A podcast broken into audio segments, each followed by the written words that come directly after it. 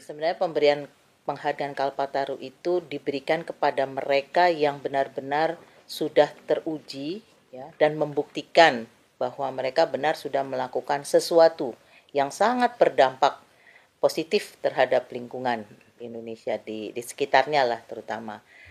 Sehingga sebenarnya peran perempuan ini e, merupakan satu hal yang perlu dan sangat dan mutlak ya untuk kita perhatikan. Jadi kalau ada usulan e, perempuan di dalam usulan calon penerima, apalagi kalau dia sudah masuk nominasi, itu amat sangat menjadi perhatian khusus.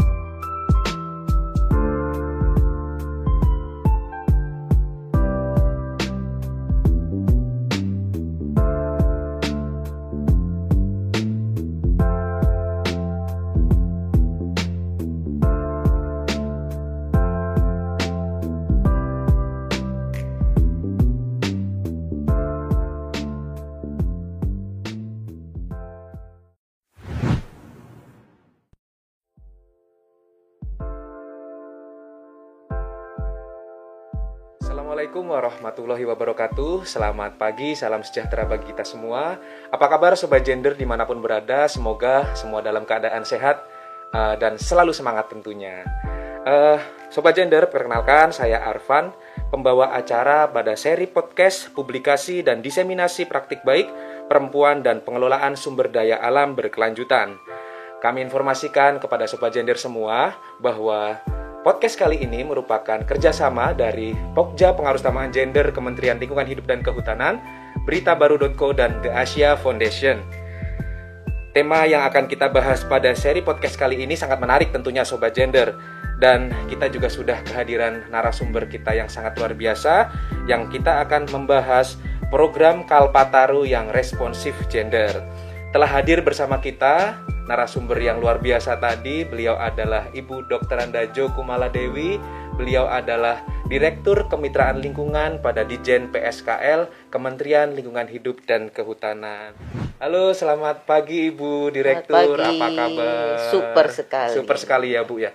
Bu Direktur, gimana kalau supaya kita lebih asik kita buka masker dulu supaya lebih jelas? Setuju. Karena kita tadi sebelum masuk juga sudah swab ya Bu Direktur Sudah ya. Negatif. Alhamdulillah. Bu Direktur, terlihat sangat cerah ini Bu Direktur. Saya nanti Amin. mau titip pesan kepada para auditor nih Bu, auditor, editor supaya dinaikkan kontrasnya biar aku nggak ini ya Mas ya. Gawat. biar nggak eh, Nggak terlalu kontras. biar nggak terlalu kontras Justru kelihatan gendernya kan. Bu Direktur, hari ini Arfan pengen eh, ngobrol-ngobrol banyak sama Ibu Direktur terkait Kalpataru karena di eh, kemitraan lingkungan ini di Direktorat Kemitraan Lingkungan ini adalah salah satu tusinya itu menangani terkait penghargaan Kalpataru betul betul, Betul. betul ya Bu ya. Betul. Nah, seperti yang sobat gender semua sudah tahu dan mungkin teman-teman semua juga sudah banyak yang paham bahwa Kalpataru adalah penghargaan yang diberikan kepada individu ataupun kelompok yang dinilai berjasa dalam merintis, mengabdi, menyelamatkan, membina, perlindungan dan pengelolaan lingkungan hidup dan kehutanan. Begitu ya Bu Direktur ya. Betul. Nah, Direktorat Kemitraan Lingkungan ini seperti tadi yang sudah eh, sedikit saya sampaikan merupakan eh, unit yang memproses kegiatan pemberian penghargaan Kalpataru itu tadi. Nah, banyak sekali ini jadi ada verifikasi, lalu validasi calon penerima dan lain sebagainya.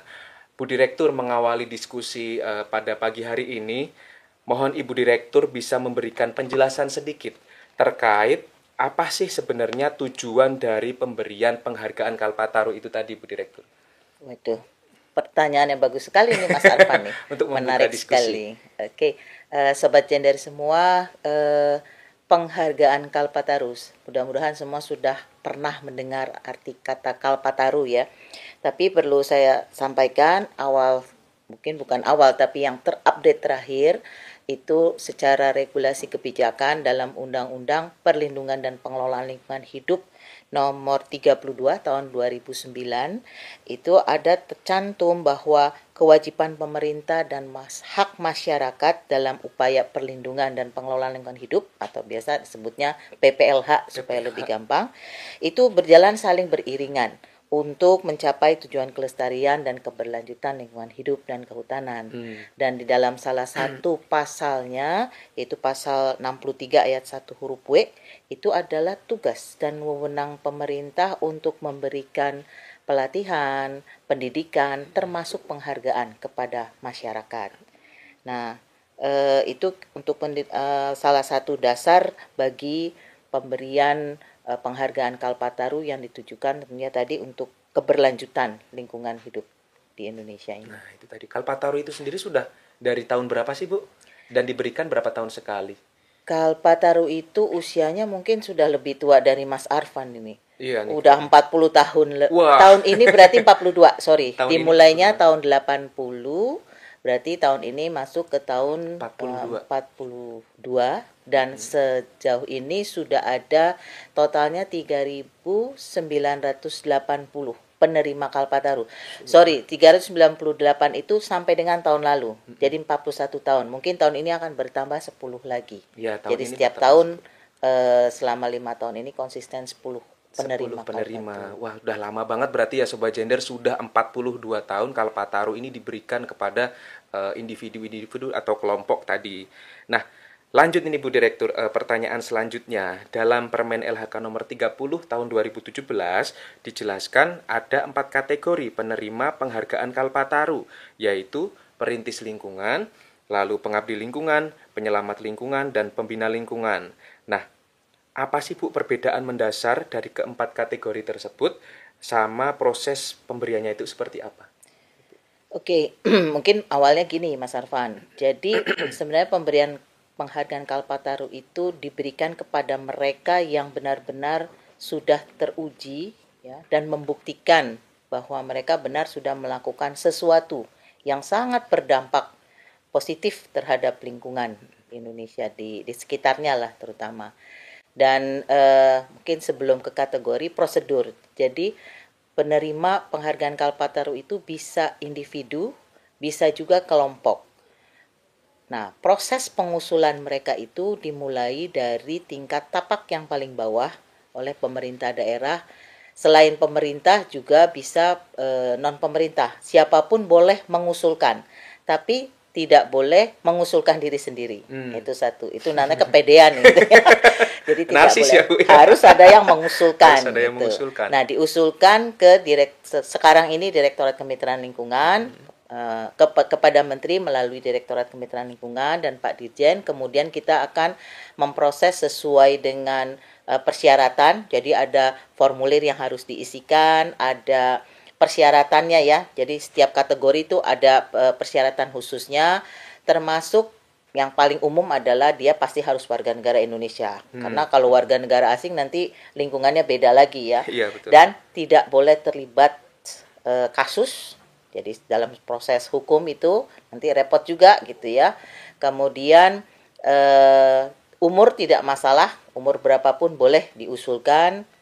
Dan yang pasti untuk eh, pembuktian itu harus ada surat kelakuan berkelakuan baik apa SKCK, SKCK, ya betul. SKCK.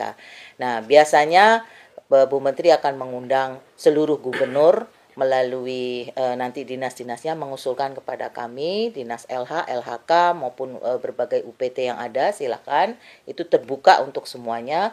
Kemudian nanti ada sekretariat Kalpataru di sini Oh, yang ya, akan memverifikasi secara administrasi dulu karena ada salah satunya kegiatannya tuh harus lebih dari lima tahun. Oh, Mungkin Mas Arfan nanya, kenapa nih lima tahun nih? Apa lima jari gitu kan perhutanan sosial? Nah, kenapa lima tahun? Karena kita tahu nanam menanam dan kita me- melakukan treatment kepada lingkungan itu perlu waktu. tidak kita bisa nanam sekarang besok tumbuh kan. Iya, betul. Jadi untuk memperlihatkan dampaknya itu minimal lima tahun. Hmm. Ya. Nah nanti dari situ setelah sekretariat ada tim teknis, hasilnya dibahas kembali oleh Dewan Kalpataru namanya. Dewan Penilaian Penghargaan Kalpataru yang dibentuk oleh Ibu Menteri LHK dan nanti eh, dengan kepiawaian dengan profesional para sesepuh yang duduk di Dewan Kalpataru itu akan men-screening dari long list menjadi short list, kemudian kita akan memilih nominasi. Nominasi itu kemudian kita uh, public hearing kan juga. Dari situ baru nanti kita verifikasi lagi ke lapangan, baru ditetapkan sejumlah eh, uh, 10 penerima penghargaan Kalpataru dan diusulkan ke menteri untuk ditetapkan. Itu prosesnya. Jadi prosesnya cukup panjang, panjang. Bu ya, Bu ya karena memang ini adalah penghargaan prestisius seperti itu Betul, ya Bu. Betul, ya? sangat prestisius hmm. dan siogianya itu meningkat dari bawah sampai ke nasional ya, dari kabupaten, provinsi, nasional. Nah, tadi empat kategori belum nih, Mas ya, Arfan. Betul.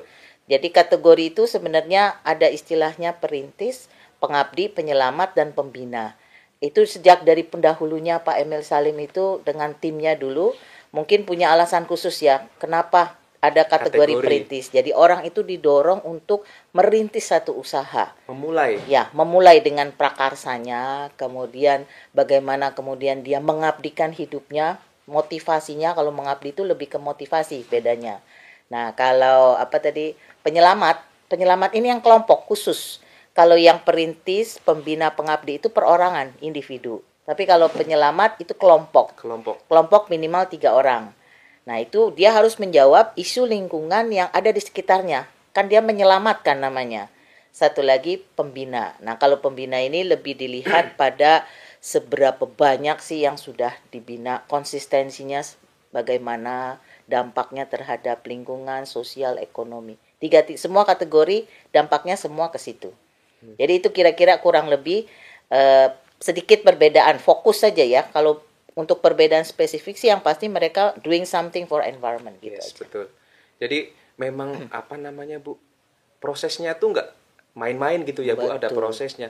Jadi kalau buat sobat gender yang baru punya kebiasaan buang sampah sembarangan mau daftar doang, itu belum bisa gitu ya. Belum ada, ada dampaknya, harus diverifikasi bisa. dulu ya. Apalagi kalau daftar sendiri nggak boleh gitu ya Bu ya. Itu namanya tadi apa? Narsis. Narsis. nggak ada aspek narsisme di iya. sini. Bu, tadi saya sudah menyebutkan terkait peraturan menteri nomor uh, 30 tahun 30 2017. Tahun 2017. Itu uh, menurut Ibu sendiri apakah peraturan itu sudah responsif gender atau masih netral gender sih, Bu?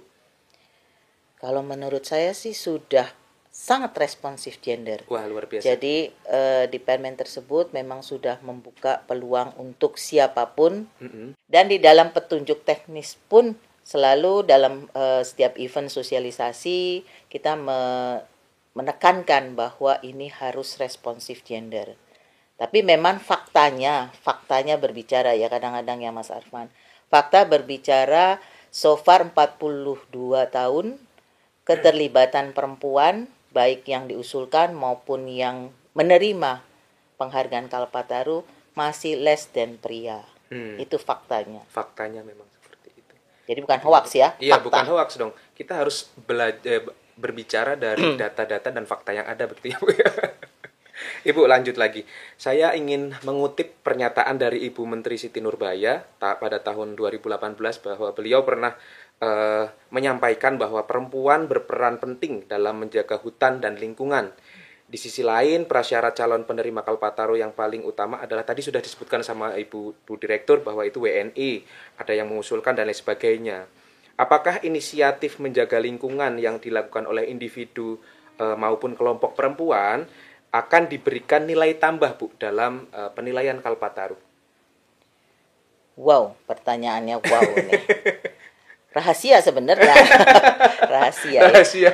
Ya. Oke, okay, uh, eh, saya kira saya sangat setuju sekali dengan pernyataan Bu Menteri. Peran perempuan ini sangat penting karena nggak ada istilah bapak pertiwi yang ada ibu iya. pertiwi. Sehingga sebenarnya peran perempuan ini e, merupakan satu hal yang perlu dan sangat dan mutlak ya untuk kita perhatikan. Jadi kalau ada usulan e, perempuan di dalam usulan calon penerima apalagi kalau dia sudah masuk nominasi itu amat sangat menjadi perhatian khusus. Karena biasalah kalau yang sedikit berbeda kan akan mendapat perhatian khusus. Dan hal ini e, menjadi satu kesepakatan di antara para dewan juga mengingat keterbatasan e, sebenarnya bukan peluang ya entah karena faktor apa tidak banyak diusulkan gitu oleh pe, baik yang pemerintah maupun non pemerintah tapi bukan tidak ada So yeah. far itu perbandingannya masih 15-85 persen lah, 15-nya perempuan.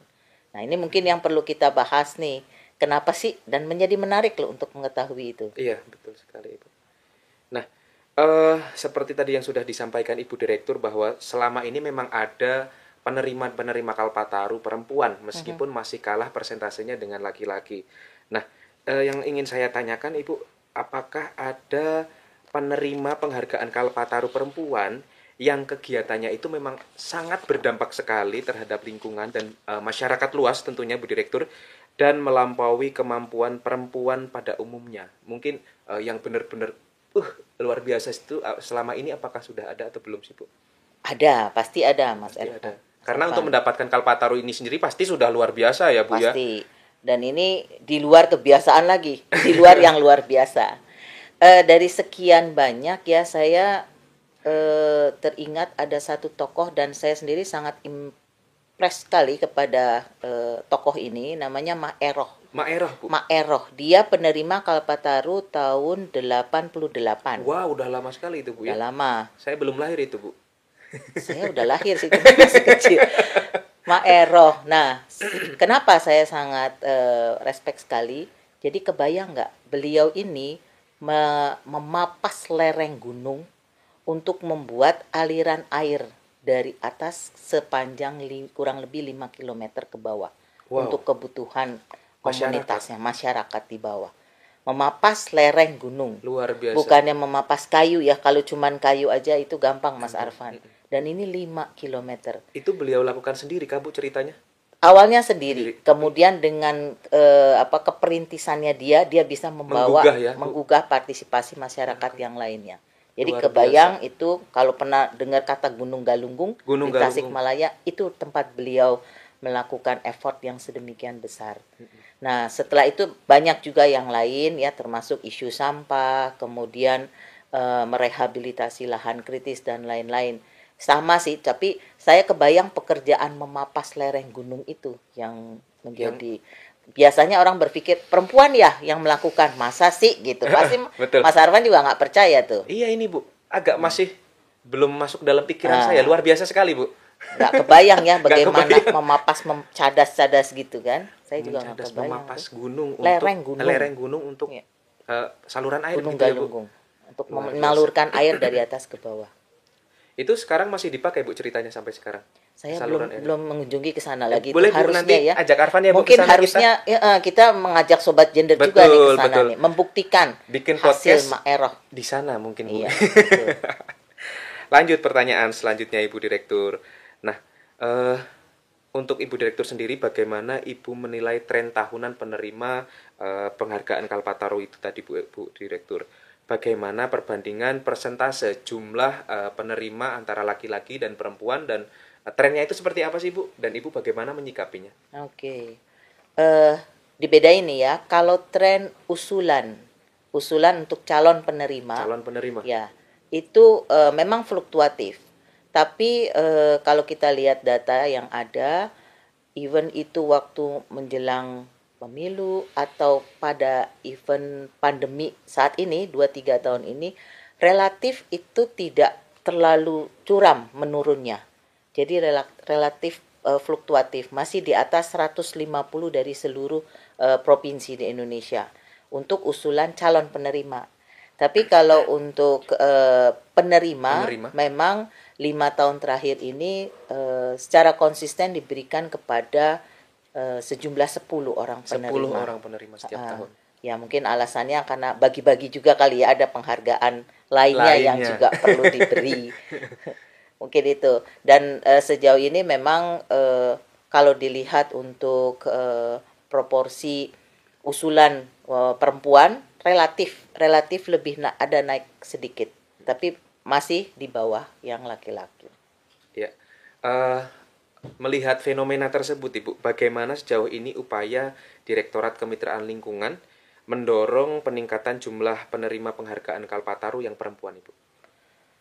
Setiap kali kami mencoba berkomunikasi ketika sosialisasi ya dengan seluruh pihak baik pemerintah maupun juga sekarang ini dengan kelompok-kelompok eh, LSM anak muda gitu untuk selalu mendorong jangan lupa loh selain laki-laki itu ada juga perempuan sekarang yang banyak berkiprah di lingkungan hidup. Betul. Bahkan kalau boleh dibilang sebenarnya kan peran perempuan uh, relatif lebih besar ruang lingkupnya ya.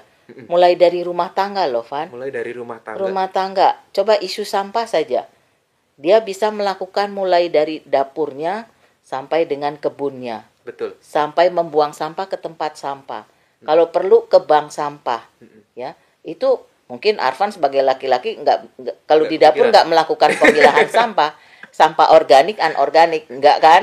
Ah, enggak, pokoknya bu. buang aja ke, ke salah satu tempat sampah jadi satu gitu. Nah, jadi kalau dilihat begini memang kita selalu harus terus mendorong ya saya kira Eh, dan dengan perkembangan teknologi sekarang kita juga selalu berusaha melakukan uh, apa namanya webinar untuk yang khusus perempuan untuk lebih bisa meningkatkan pengetahuan mereka dan lebih memotivasi peran mereka di dalam lingkungan. Tapi frankly speaking itu meningkat kok dari tahun ke tahun okay. peran perempuan itu. Oke. Okay. Uh, eh, meningkat gitu ya Bu peran perempuan setiap tahun dalam uh, usulan dan penerima Kalpataru. Yang menarik lagi ini Bu, dengan adanya nama-nama apa perempuan penerima penghargaan Kalpataru tadi, apakah itu sudah menjadi sebuah indikasi bahwa pelaksanaan pengaruh utamaan gender di Kementerian Lingkungan Hidup dan Kehutanan khususnya di di JNPSKL sudah terlaksana dengan baik Bu? Salah satu indikasi yes saya kira ya hmm. eh, bahwa di program Kalpataru ini Eh, pengaruh utamaan perempuan sudah masuk. Tapi selain itu namanya di TNPSK ini perhutanan sosial Betul. juga sangat responsif gender. Mm -hmm. Jadi penerima-penerima uh, SK, SK kesepakatan pengelolaan itu juga dibuka bagi kelompok-kelompok uh, yang diketuai oleh wanita atau perempuan. Kemudian dalam mengaktivitas uh, memproduksi usaha-usaha perhutanan sosial itu juga sangat sudah e, melibatkan peran perempuan di dalamnya. Memang sudah terbuka seperti itu ya sangat, Bu ya. Sangat terbuka. Nah, untuk selanjutnya sudah sejauh mana sih Bu upaya pemerintah e, dalam arti luas ini Bu ya dalam membuka partisipasi perempuan untuk terlibat dalam pengelolaan lingkungan hidup dan kehutanan yang berkelanjutan Bu. Peran peran pemerintah secara luas sudah sudah seperti apa? Saya kira dengan kebijakan-kebijakan perempuan di pengaruh utamaan gender, hmm. kan ada ya peraturan Menteri LHK, LHK nomor 31 2017 itu tentang nah, PUG. Juga. Itu tentang pengaruh utamaan unsur gender, program yang di running oleh tempatnya Mas Arfan sendiri saat ini sudah booming banget ke mana-mana gitu ya. Tapi yang penting memang konsistensi dan real apa kegiatan yang ingin dilakukan. Satu lagi itu harus difokuskan pada generasi muda Mas Arfan. Hmm. Karena kalau menurut saya ya, kalau bicara generasi yang sudah tidak muda lagi, mungkin untuk merubah habit, pola pikir, mindset lebih sulit. Lebih sulit ya. Ketimbang Bu, ya? kita membentuk membentuk yang masih masih bisa dibentuk ya, lah betul. gitu mindsetnya. Menarik sekali nih Bu. Itu jadi sasarlah anak muda dan kalau perlu anak muda yang wanita itu lebih double itu. Hmm, menarik. Nilai. Menyambung dari yang barusan disampaikan oleh Bu Direktur untuk Kalpataru ini sendiri apakah terbuka juga untuk anak muda Bu? Karena kan gender itu seperti yang sudah kita ketahui bersama ya sobat gender bahwa gender nggak cuma laki-laki perempuan ternyata ya karena ada inklusi sosial yang juga lansia, anak muda, anak-anak dan sebagainya. Kalau untuk keterlibatan anak muda itu sendiri dalam penghargaan Kalpataru apakah sudah ada Bu? Nah, ini pertanyaannya sulit dijawab. Jadi gini, e, kalau dilihat dari usulan maupun penerima penghargaan Kalpataru selama lebih dari 40 tahun ini, relatif itu umurnya di atas 50. 40 40 50. Jarang yang 40 juga jarang ya. Jadi, nah oleh karena itu e, tapi tiga tahun terakhir ini ada beberapa yang 30-an. Hmm. Yang laki-laki, perempuan juga ada yang udah mulai bergerak gitu ya. Nah, eh, maka Bu Menteri juga mempunyai satu eh, pemikiran yang sangat inovatif saya kira ya dengan membuka eh, mengajak generasi muda ini di kalangan muda untuk Kalpataru Muda tahun ini kita akan mulai Kalpataru Muda. Kalpataru Muda Wow. istilahnya. Dan dengan seleksi atau mekanisme penilaian yang tentunya sedikit berbeda dengan Hmm. yang reguler yang sudah-sudah. Karena kan stylenya juga beda kan. Iya dong, Bu. Kalau anak muda mungkin disuruh mencangkul tadi se- seperti Maeroh rada susah mungkin udah ngegeleng duluan ya tapi dengan eh, kemampuan dia memainkan gadgetnya dengan me- me- menggerakkan jempolnya mungkin dia bisa juga Berdampak menyebarluaskan iya berdampak luas pada edukasi me- kemudian mengajak untuk melakukan satu gerakan masa yang luas gitu ya untuk eh, ya hal-hal kecil yang bisa dia lakukan eh, mungkin tidak di tingkat tapak sekalipun, tapi ada juga mungkin nanti seperti kan sekarang ada tuh yang dari Surabaya anak masih SMP, Mm-mm, mungkin Ibu. Arfan pernah kenal ya, namanya Nina itu. Itu juga dia sudah mulai seperti Greta Thunberg, mulai berkampanye. Jadi nanti mungkin ada yang disebut environmental advocator, environmental entrepreneurship dan satu lagi service provider. Jadi kalau anak muda mungkin akan dikelompokkan ke arah situ gitu. Bagaimana tapi dengan pendekatan yang digital teknologi. Hmm, ya memang ke- milenials gitu ya, Bu. ya gayanya milenial itu akan kita coba di tahun 2022 ini dengan eh, sedikit yang berbeda treatmentnya. Oke, luar biasa sekali. Sobat-sobat gender siap siap kita ikut Kalpataru. Di banyak tempat, Bu Direktur, perempuan masih tersubordinasi dalam pandangan umum yang menganggap eh, bahwa perempuan hanya memiliki peran domestik, itu peran di dalam rumah tangga, dapur, dan lain sebagainya ya Bu ya. Sementara itu, pengelolaan lingkungan hidup dan kehutanan identik dengan kerja pria. Bagaimana Ibu Direktur melihat hal ini, Bu? Apakah eh, stigma tersebut yang masih menghambat partisipasi perempuan atau seperti apa, Bu? Hmm, saya kira stigma perempuan itu hanya di domestik, Domestik. udah jadul ya, Udah jadul ya, Bu udah ya? ketinggalan. Udah ketinggalan. Bahkan kalau sekarang kita lihat perempuan dari mudanya aja dia udah lulus terus nggak nggak kerja istilahnya itu nggak nggak nggak zaman now lah istilahnya Iya. ya. Jadi ketinggalan zaman. Sekarang dengan perkembangan dunia saat ini apalagi dengan situasi ekonomi seperti sekarang rasanya baik laki maupun perempuan dituntut untuk mempunyai kesetaraan di dalam hal eh, apa namanya membangun mengamankan ekonomi keluarga. Sehingga rasanya amat sangat eh, sempit sekali pandangannya kalau sampai menempatkan perempuan itu udah ibu rumah tangga saja.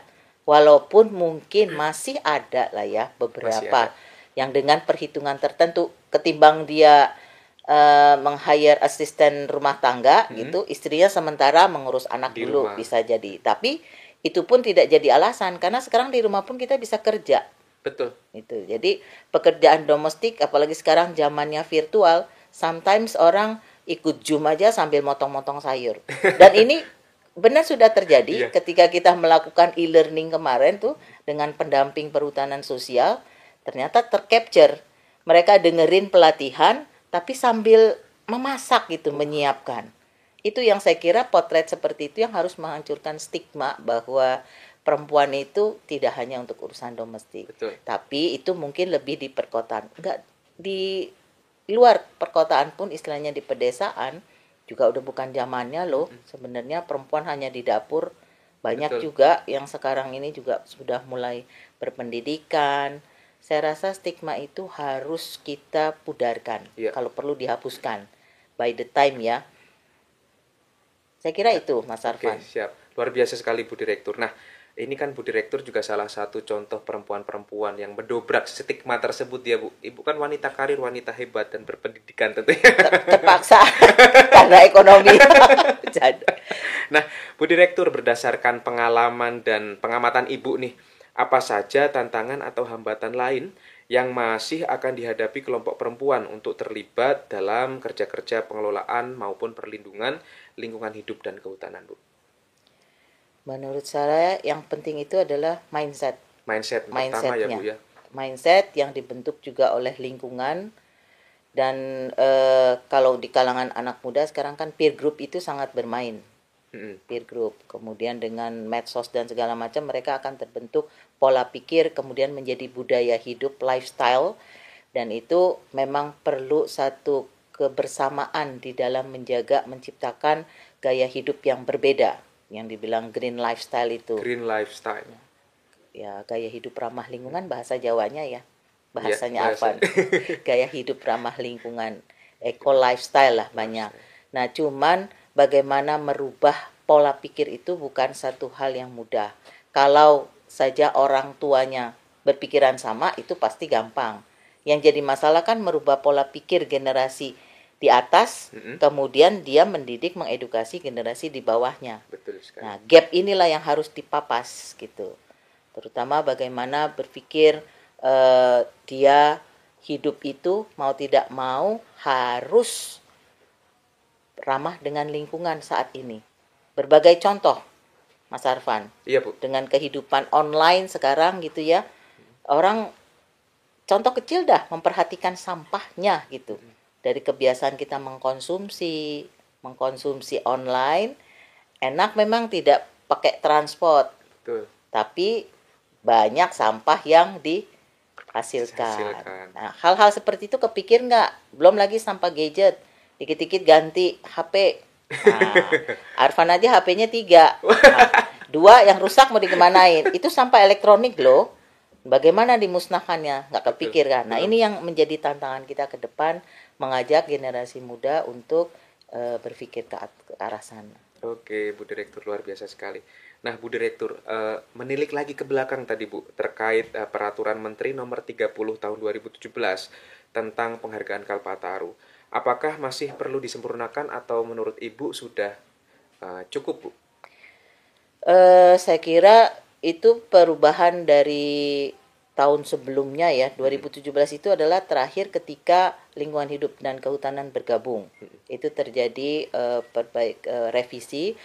Dan kalau menurut saya saat ini mungkin sudah saatnya juga kita memikirkan eh, perbaikan beberapa hal terutama tadi dengan eh, kita akan mencoba meng- meningkatkan eh, spektrumnya ke generasi muda maka kriteria penilai, penilaian mekanisme dan lain-lain mungkin perlu disempurnakan jadi kalaupun eh, memungkinkan mungkin bisa segera permen ini di eh, bukannya dihapus ya istilahnya diperbaiki, Diperbaiki. disempurnakan lah ada hal-hal yang perlu disempurnakan sudah masanya lagi pula isu lingkungan kan kita lihat ini sangat cepat sekali semakin kompleks Hmm. Betul. dengan datangnya si corona corona ini Si Corona. Nah, kan sampai kapan habisnya no one know Ya itu tadi Bu Direktur mungkin menjadi pertanyaan terakhir saya dalam obrolan eh, podcast kita kali ini Bu Direktur. Eh, luar biasa sekali sangat menginspirasi ya teman-teman banyak cerita-cerita dari Tapak eh, terkait eh, usaha-usaha dalam PPLH itu tadi Bu Direktur. Apa Bu PPLH tadi Bu? Perlindungan dan, pengelolaan lingkungan hidup. Ditambah lagi kehutanan. Dan kehutanan tentunya. Nah, untuk menutup eh, podcast kita, Bu Direktur, apakah ada pesan-pesan terakhir atau closing statement? Kok pesan-pesan terakhir kayaknya apa banget?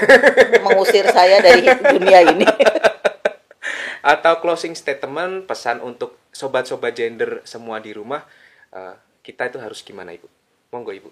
Oke, sobat-sobat gender di mana pun berada, di rumah, di tempat kerja, eh, dalam menghadapi perubahan yang senantiasa akan terjadi ini, satu hal, kita harus berani. Berani me- memasuki era perubahan tersebut dengan keyakinan bahwa eh, sesuatu yang kita lakukan bersama untuk kebaikan. Jadi, eh, responsif responsif gender ini bukan hanya didorong dari program penghargaan Kalpataru tapi harus sudah memasuki semua elemen kehidupan elemen program yang ada di KLHK itu sendiri jadi bukan hanya indikasinya pengaruh utama gender di program Kalpataru ya Mas Arfan Betul. tapi semua mau isu sampah isu perubahan iklim dan lain-lain dan terutama ini harus menyentuh bukan hanya perempuan tapi generasi muda. Youth is a must. Itu aja. Saya punya pantun Mas Arfan Siap, sebagai Ibu. penutupan ya. Bunga mawar, bunga melati. Cakep. Dua-duanya cakep.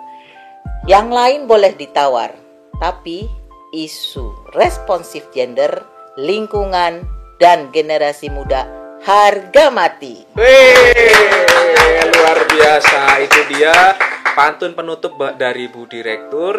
Eh, dengan Arfan demikian, juga dong. ah saya juga ditantang pantun Iya Bu. saya dong, juga udah, harus. saya juga udah apa sih Bu menyiapkan pantun, tapi saya juga ingin mengucapkan terima kasih kepada Bu Jo yang telah bersedia menjadi narasumber dalam podcast kita kali ini. Mohon izin menutup juga dengan pantun Bu Direktur, saya sudah Monggo, menyiapkan monggo, nih. monggo, harus. Jalan-jalan ke Samarinda.